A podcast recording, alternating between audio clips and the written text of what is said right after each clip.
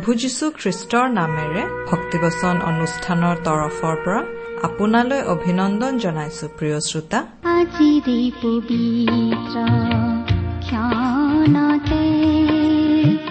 উজলি উঠা খ্ৰীষ্টৰ জ্যোতি।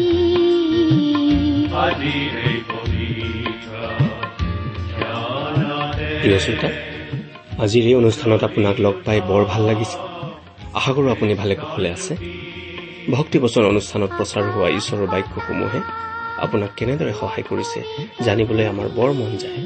কেতিয়াবা দুষাৰিমান আমালৈ লিখি পঠিয়াবচোন। আমাৰ ঠিকনাতে অনুষ্ঠানটিৰ শেষত কোৱা হ'ব। আপুনি কলম আৰু কাগজ সাজু কৰি থব। ঈশ্বৰৰ যি দয়া কৰোণা আমি পাইছো তাকেই এই অনুষ্ঠানৰ যোগেৰে জনাবলৈ পাই আমি অতি আনন্দিত। আপোনাৰ পৰাও জানিবলৈ পালে আমি বৰ বেছি উৎসাহিত হ'ম। কিয়নো ঈশ্বৰে আমাক সকলোৰে যত্ন লয়। আপোনাৰো যত্ন লৈ আছে। নিশ্চয় আপোনাকো অনেক আশীৰ্বাদ কৰি আছে। দুখ কষ্টত পৰিলে তেওঁ উদ্ধাৰ কৰিছে। বেজাৰৰ সময়ত তেওঁ আহি সান্তনা দিছে। হয়তো ৰোগত পৰোতে সুস্থতা দিছে। তেওঁ সদায় আপোনাৰ বিভিন্ন পৰিস্থিতিত যত্ন লৈ আছে। তেওঁ আচৰিত মৰমীয়াল ঈশ্বৰ। তেওঁৰ মৰমবোৰ আশীৰ্বাদবোৰ স্বীকাৰ কৰিলে সোঁৱৰণ কৰিলে সেইবোৰ দুগুণে বাঢ়ে। আহক আমি প্ৰতিদিনে ঈশ্বৰৰ পৰা পাই থকা আশীৰ্বাদবোৰ ইজনে আনজনৰ লগত প্ৰকাশ কৰোঁ।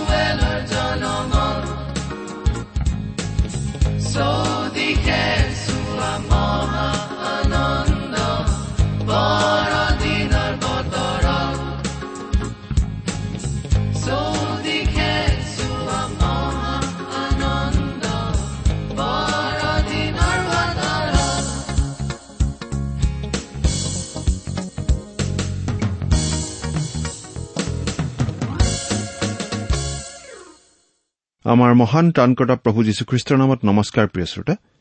আশা কৰো আপুনি আমাৰ মহান পিতা পৰমেশ্বৰৰ মহান অনুগ্ৰহত ভালে কুশলে আছে। লগতে এই বুলিও আশা কৰিছো যে আপুনি আমাৰ এই ভক্তিবচন অনুষ্ঠানটো নিয়মিতভাৱে শুনি আছে। আমাৰ বহুতো শ্ৰোতাই আমালৈ চিঠি লিখে আৰু এই অনুষ্ঠান শুনি উপকৃত হোৱা বুলি বহুতেই আমাক জনায়। আৰু তেনেকুৱা চিঠিবোৰে আমাক কাম কৰি যাবলৈ যথেষ্ট উৎসাহ যোগায়। আপুনি বাৰু কেতিয়াবা আমালৈ চিঠি লিখিছেনে? অনুগ্ৰহ কৰি আজিয়ে দুখাৰিমান লিখি পঠিয়াবচোন। আহকচোন বাইবেল অধ্যয়ন আৰম্ভ কৰাৰ আগতে খন্তেক প্ৰাৰ্থনাত মূৰ দুৱাওঁ। স্বৰ্গত থকা মৰমীয়াল পিতৃ ঈশ্বৰ তোমাক ধন্যবাদ জনাওঁ কাৰণ তোমাৰ মহান বাক্য বাইবেল শাস্ত্ৰ অধ্যয়ন কৰিবলৈ তুমি আমাক আকৌ এটা সুযোগ দান কৰিছা। তোমাক শতকোটিবাৰ ধন্যবাদ জনাওঁ কাৰণ তুমি তোমাৰ একেজাত পুত্ৰ যীশুখ্ৰীষ্টৰ জৰিয়তে আমালৈ অনন্ত জীৱনৰ আশীৰ্বাদ বিনামূল্যে আগবঢ়াইছা। এতিয়া আহা পিতা তোমাৰ বাক্য তুমিয়েই আমাক বুজাই দিয়া। আমাৰ মৰমৰ শ্ৰোতাসকলক উপচি পৰাকৈ আশীৰ্বাদ কৰা। তেওঁলোকৰ সকলো প্ৰয়োজনৰ কথা তুমিহে ভালদৰে জানা আৰু সেই সকলো তুমিয়েই পূৰণ কৰা। কিয়নো এই প্ৰাৰ্থনা আমাৰ মহান ত্ৰাণকৰ্তা প্ৰভু যীশুখ্ৰীষ্টৰ নামত আগবঢ়াইছো। আমেন।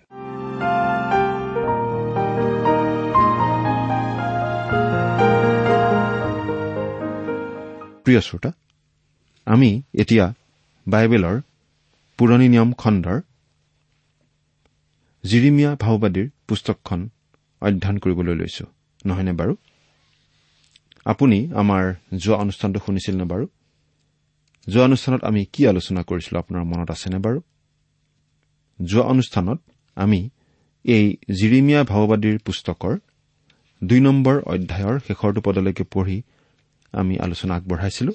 গতিকে আজি আমি তিনি নম্বৰ অধ্যায়ৰ অধ্যয়ন হাতত লৈছো।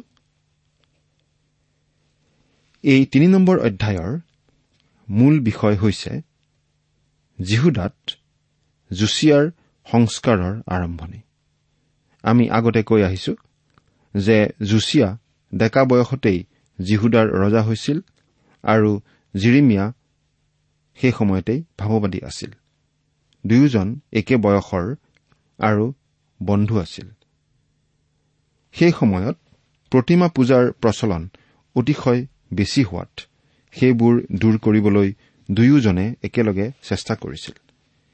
সেই চেষ্টাত তেওঁলোক যথেষ্ট সফল হৈছিল আৰু সেই বিষয়ে তিনি নম্বৰ অধ্যায়ত আমি জানিব পাৰিম।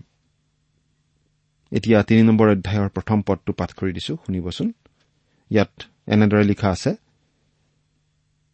লোকে কয় কোনোৱে নিজ তিৰোতাক ত্যাগ কৰাৰ পাছত সেই তিৰোতাই তাৰ লগ এৰি যদি আন পুৰুষৰ হয় তেতিয়া তাইৰ স্বামী জানো পুনৰাই তাইৰ ওচৰলৈ যাব? যদি যায় তেন্তে সেই দেশ নিচেইকৈ অসুচী নহবনে? কিন্তু তুমি অনেক প্ৰিয়ৰ সৈতে বেশ্যাকৰ্ম কৰিলা। তথাপি জিহুৱাই কৈছে মোৰ ওচৰলৈ ওলটি আহা। প্ৰিয় শ্ৰোতা সেই সময়ত জিহুদাৰ মানুহবিলাকে ঈশ্বৰক বাদ দি নৈতিকতাৰ একেবাৰে অধপতনলৈ নামি গৈছিল। তেওঁলোকে বেশ্যাকৰ্ম কৰিছিল তথাপি তাৰ পৰা ঘূৰি আহিবলৈ ঈশ্বৰে তেওঁলোকক আহান জনাই আছিল। তেওঁলোকক মন পালটন কৰি সূচী হবলৈ ঈশ্বৰে সুবিধা দি আছিল। চকু তুলি গছ শূন্য পৰ্বতবোৰলৈ চোৱা। কোন ঠাইত তোমাৰ লগত পুৰুষে শয়ন কৰা নাই? তুমি অৰণ্যত থকা আৰবিয়াৰ নিচিনাকৈ মানুহবোৰলৈ বাট চাই ৰাজ আলিত বহি আছা। এইদৰে তুমি বেশ্যাকৰ্ম আৰু কুকাৰ্যৰ দ্বাৰাই দেশ অসুচী কৰিলা। প্ৰতিমা পূজা মানে সৰু প্ৰতিমা এটা সাজি সেইটোৰ উপাসনা কৰাই নহয়। কিন্তু কোনো এজনে যিহৰ ওপৰত সৰ্বাধিক গুৰুত্ব দিয়ে সিয়েই তেওঁৰ বাবে প্ৰতিমা। বাইবেলে কৈছে যে লোভ মানেও এটা প্ৰতিমা। কাৰণ কিবা এটা পাবলৈ যেতিয়া লোভ লাগে সেই লোভেই মানুহৰ অন্তৰত সৰ্বাধিক গুৰুত্ব লাভ কৰে আৰু ইয়েই প্ৰতিমাৰ স্থান লয়। আৰু আচলতে এনেদৰে প্ৰতিমাৰ সেৱা উপাসনা কৰাটোক ঈশ্বৰে বেশ্যাকৰ্মৰ লগত ৰিজাইছে। কাৰণ ঈশ্বৰক ত্যাগ কৰি তেওঁলোক আন সেই প্ৰতিমাবোৰৰ ওচৰলৈ আগবাঢ়ি গৈছিল। নিজৰ স্বামীক এৰি আনৰ ওচৰলৈ যোৱাৰ নিচিনাকৈ। তিনি নম্বৰ পদ। এই নিমিত্তে বৃষ্টি আটক কৰা হল আৰু শেহতীয়া বৰষুণ নহল। তথাপি তুমি বেশ্যাৰ মুখ ধাৰণ কৰি লজ্জিত হবলৈ অস্বীকাৰ কৰিলা। ইছৰাইলৰ অবাধ্যতাৰ কাৰণে ঈশ্বৰে বৰষুণ বন্ধ কৰি তেওঁলোকক শাস্তি দিছিল। আজি আমাৰ পৃথিৱীখনতো বৰ সঘনাই নানা ধৰণৰ প্ৰাকৃতিক দুৰ্যোগবিলাক হৈ থকা দেখা যায়। এইবিলাক আচলতে ঈশ্বৰে দিয়া একো একোটা শাস্তি। কিন্তু দুখৰ বিষয় যে তথাপিতো মানুহে ঈশ্বৰক নিবিচাৰে। চাৰি আৰু পাঁচ নম্বৰ পদ। তুমি আজিৰ পৰা মোৰ আগত প্ৰাৰ্থনা কৰি নকবানে যে হে মোৰ পিতৃ তুমি মোৰ যৌৱনকালৰ পথ দৰ্শক তেওঁ জানো চিৰকাললৈকে তেওঁৰ ক্ৰোধ ৰাখিব। অন্তলৈকে তেওঁৰ ক্ৰোধ ধাৰণ কৰিব। চোৱা তুমি মন্দ কথা কলা আৰু কুকৰ্মও কৰিলা আৰু নিজ ইচ্ছামতে তাক সিদ্ধও কৰিলা। ঈশ্বৰে তেওঁলোকক ক্ষমা কৰি আকৌ গ্ৰহণ কৰি ল'ব বুলি জনাইছে।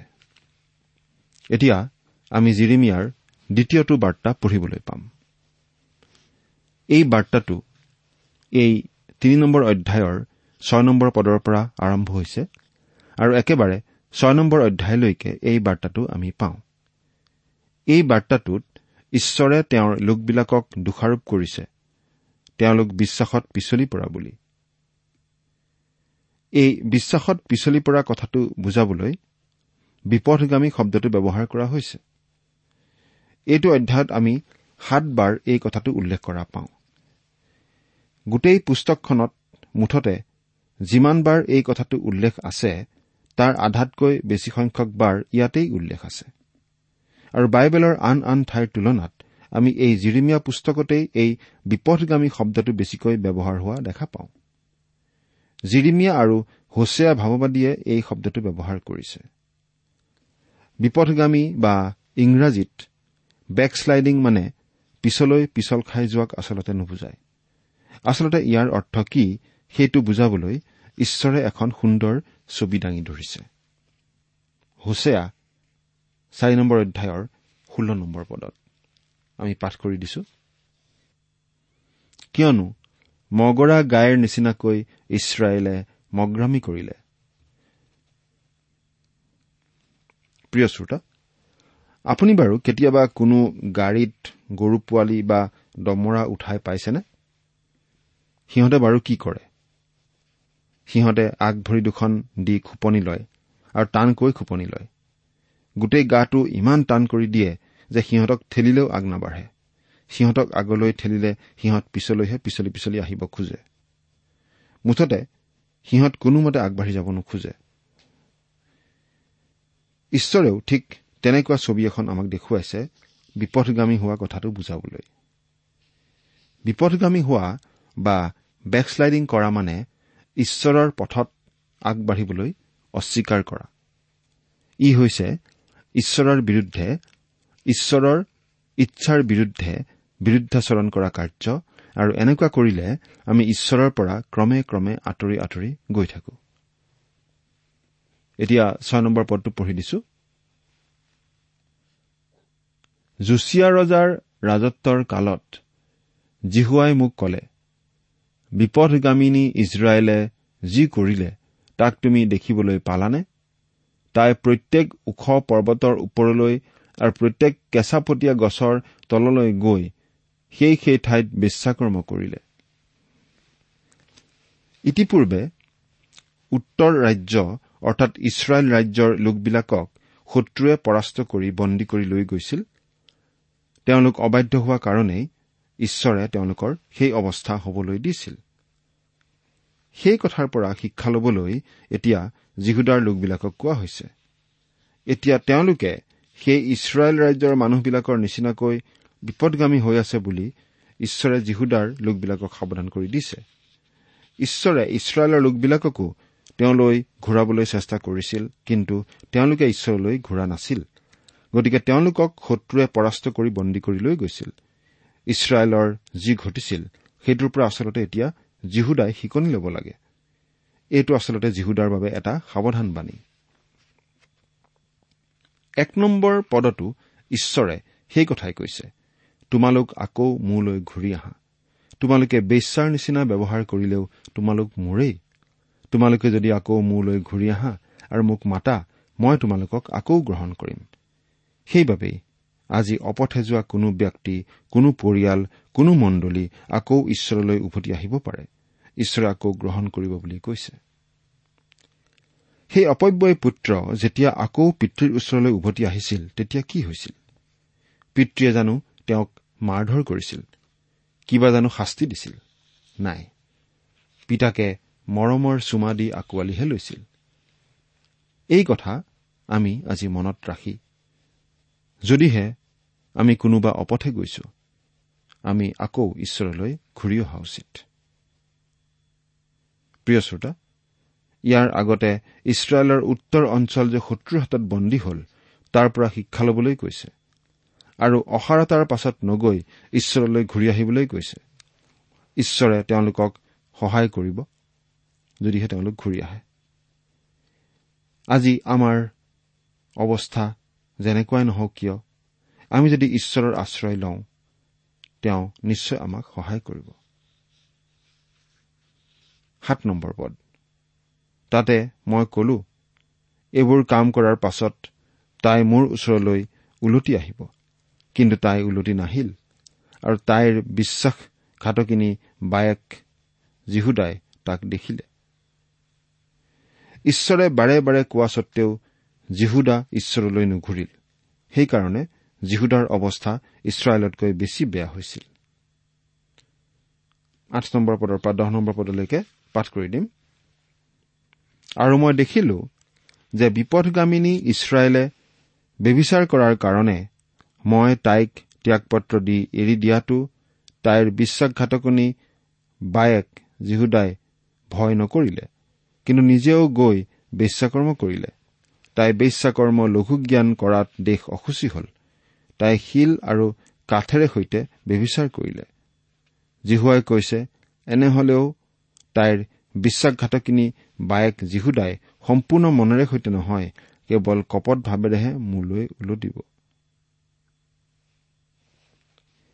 জুচিয়া ৰজাৰ দিনত যীহুদাৰ লোকবোৰৰ মাজত এটা পুনৰ জাগৰণ আহিছিল।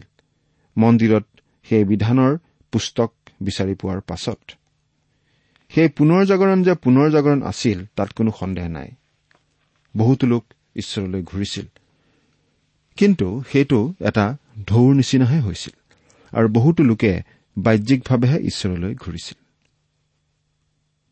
প্ৰিয় শ্ৰোতা সেই সময়ত জুচিয়াৰ সংস্কাৰৰ ফলত বহুতে দেখাদেখিকৈ ঈশ্বৰলৈ ঘূৰিছিল। কিন্তু তেওঁলোকৰ তাত সত্যতা নাছিল।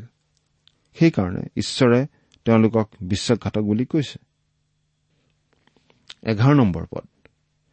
আৰু জিহুৱাই মোক কলে বিশ্বাসঘাতকিনী জিহুদাতকৈ বিপথগামিনী ইছৰাইলে নিজকে অধিক ধাৰ্মিক যেন দেখুৱালে।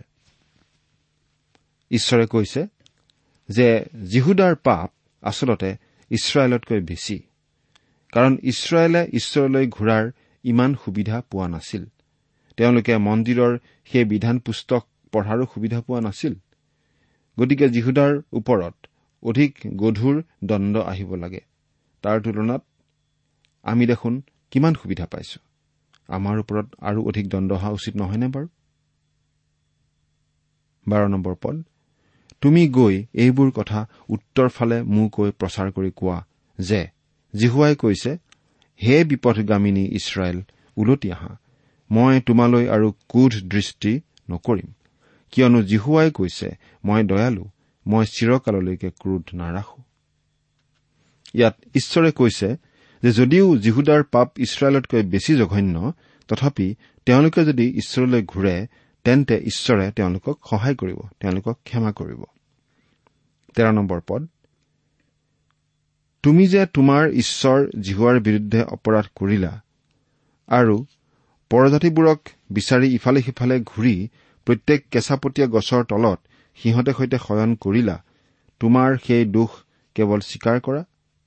জিহুৱাই কৈছে তোমালোকে মোৰ বাক্য মনা নাই।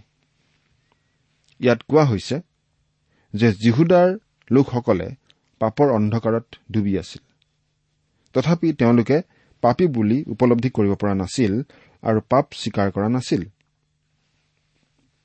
আজি আমাৰো একে অৱস্থাই নহয়নে?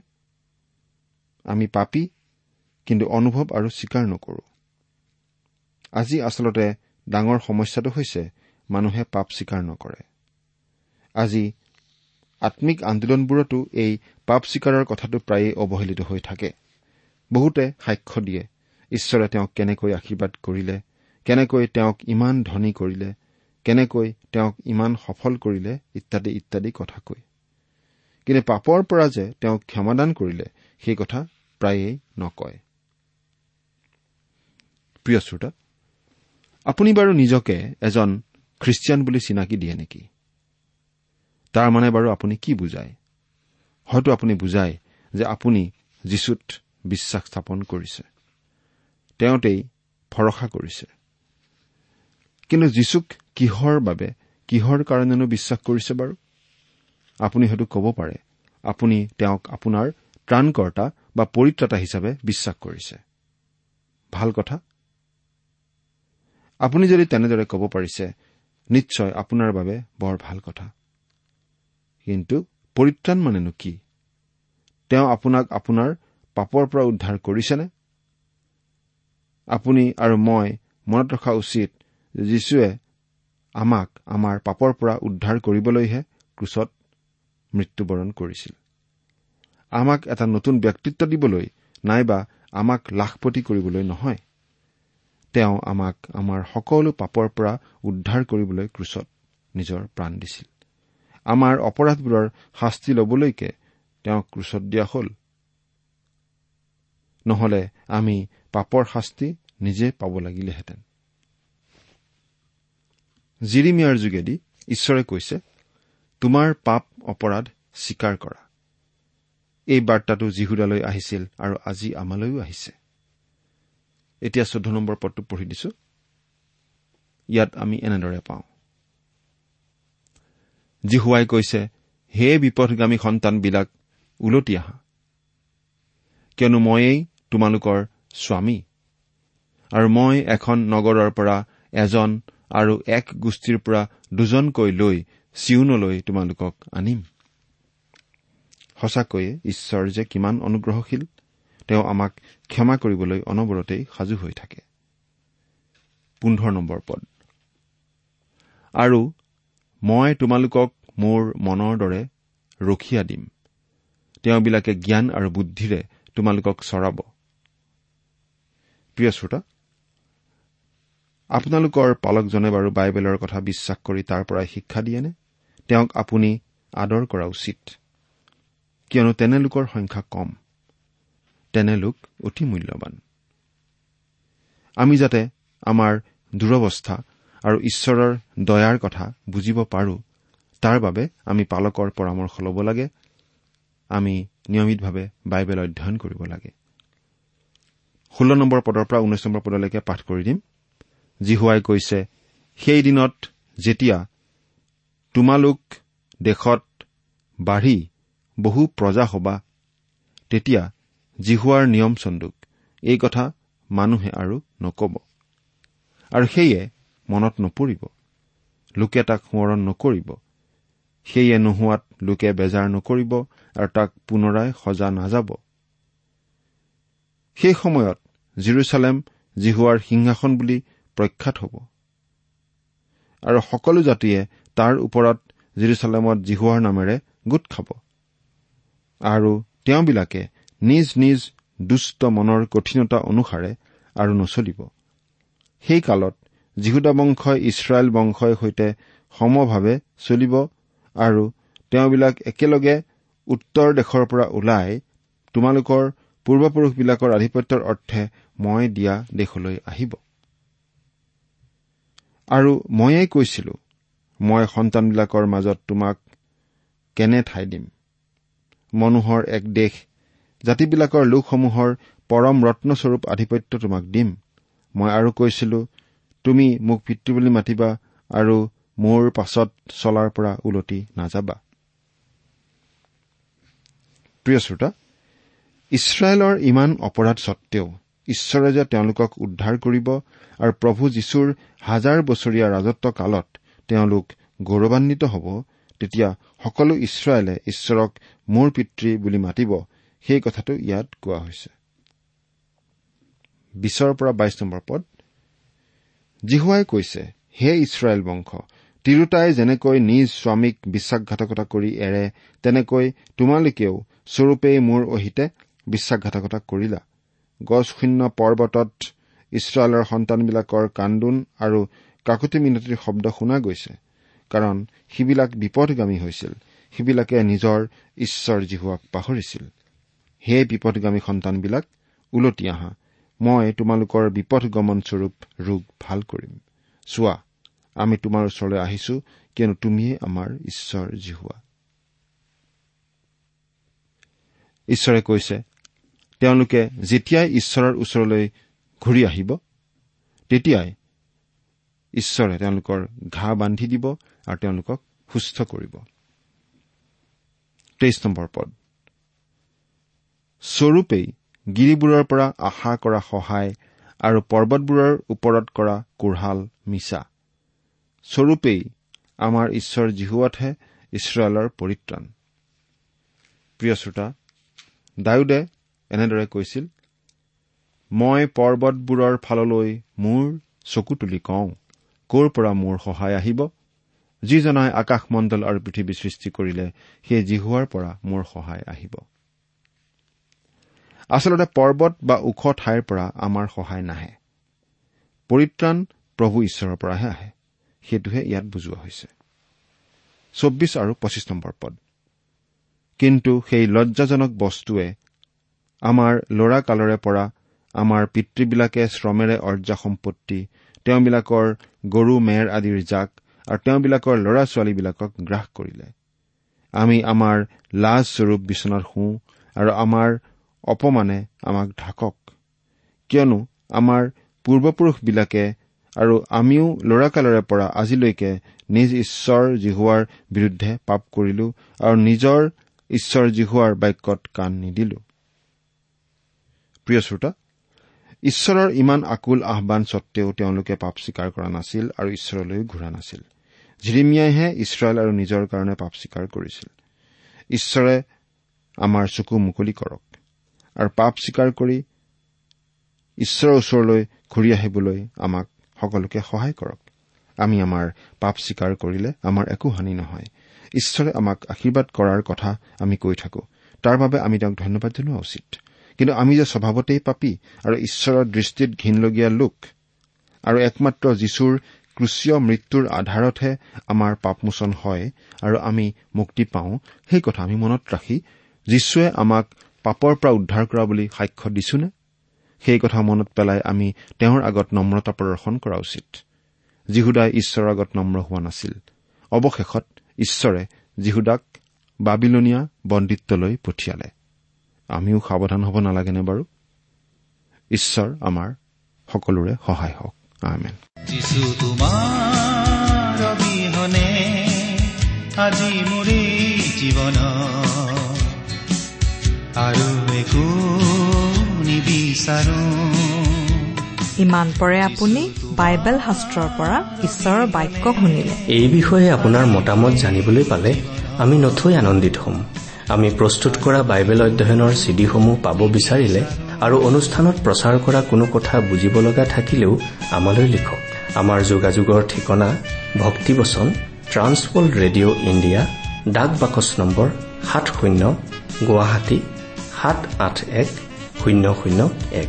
ঠিকনাটো আকৌ এবাৰ কৈছো ভক্তিবচন ট্ৰান্সৱৰ্ল্ড ৰেডিঅ' ইণ্ডিয়া ডাক বাকচ নম্বৰ সাত শূন্য গুৱাহাটী সাত আঠ এক শূন্য শূন্য এক। আমাৰ ইমেইল এড্ৰেছটো হৈছে Assamese T TV at the rate radio' eight eight two dot com. আমাৰ website W W W dot T W R dot in. আপুনি টেলিফোনৰ মাধ্যমেৰেও আমাক যোগাযোগ কৰিব পাৰে। আমাৰ টেলিফোন নম্বৰটো হৈছে nine eight five four zero' four zero' eight eight nine. Phone নম্বৰটো আকৌ এবাৰ কৈছো ন আঠ পাঁচ চাৰি শূন্য চাৰি শূন্য আঠ আঠ ন। আপুনি এই ভক্তিবচন অনুষ্ঠানটি আমাৰ website W W W dot radio' eight eight two dot কমতো শুনিব পাৰিব। আজিৰ অনুষ্ঠানটি ইমানতেই সামৰিছো। ঈশ্বৰৰ শান্তি আৰু অনুগ্ৰহ আপোনাৰ লগত থাকক। ধন্যবাদ।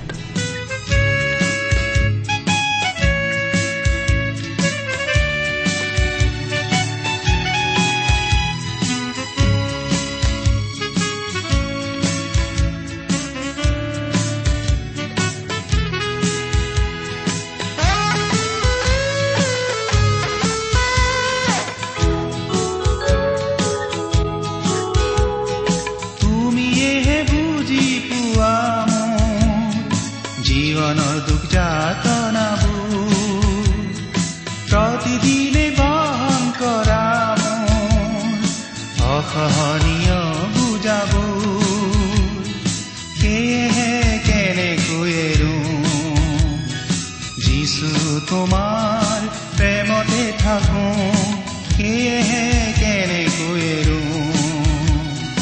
যিছু তোমাৰ প্ৰেমতে থাকো যিছু তোমাৰ অবিহনে আজি মোৰে জীৱন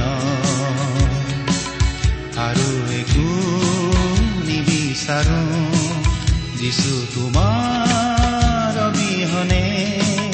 আজি মোৰে জীৱন। আৰু একো নিবিচাৰো আৰু একো নিবিচাৰো আৰু একো নিবিচাৰো।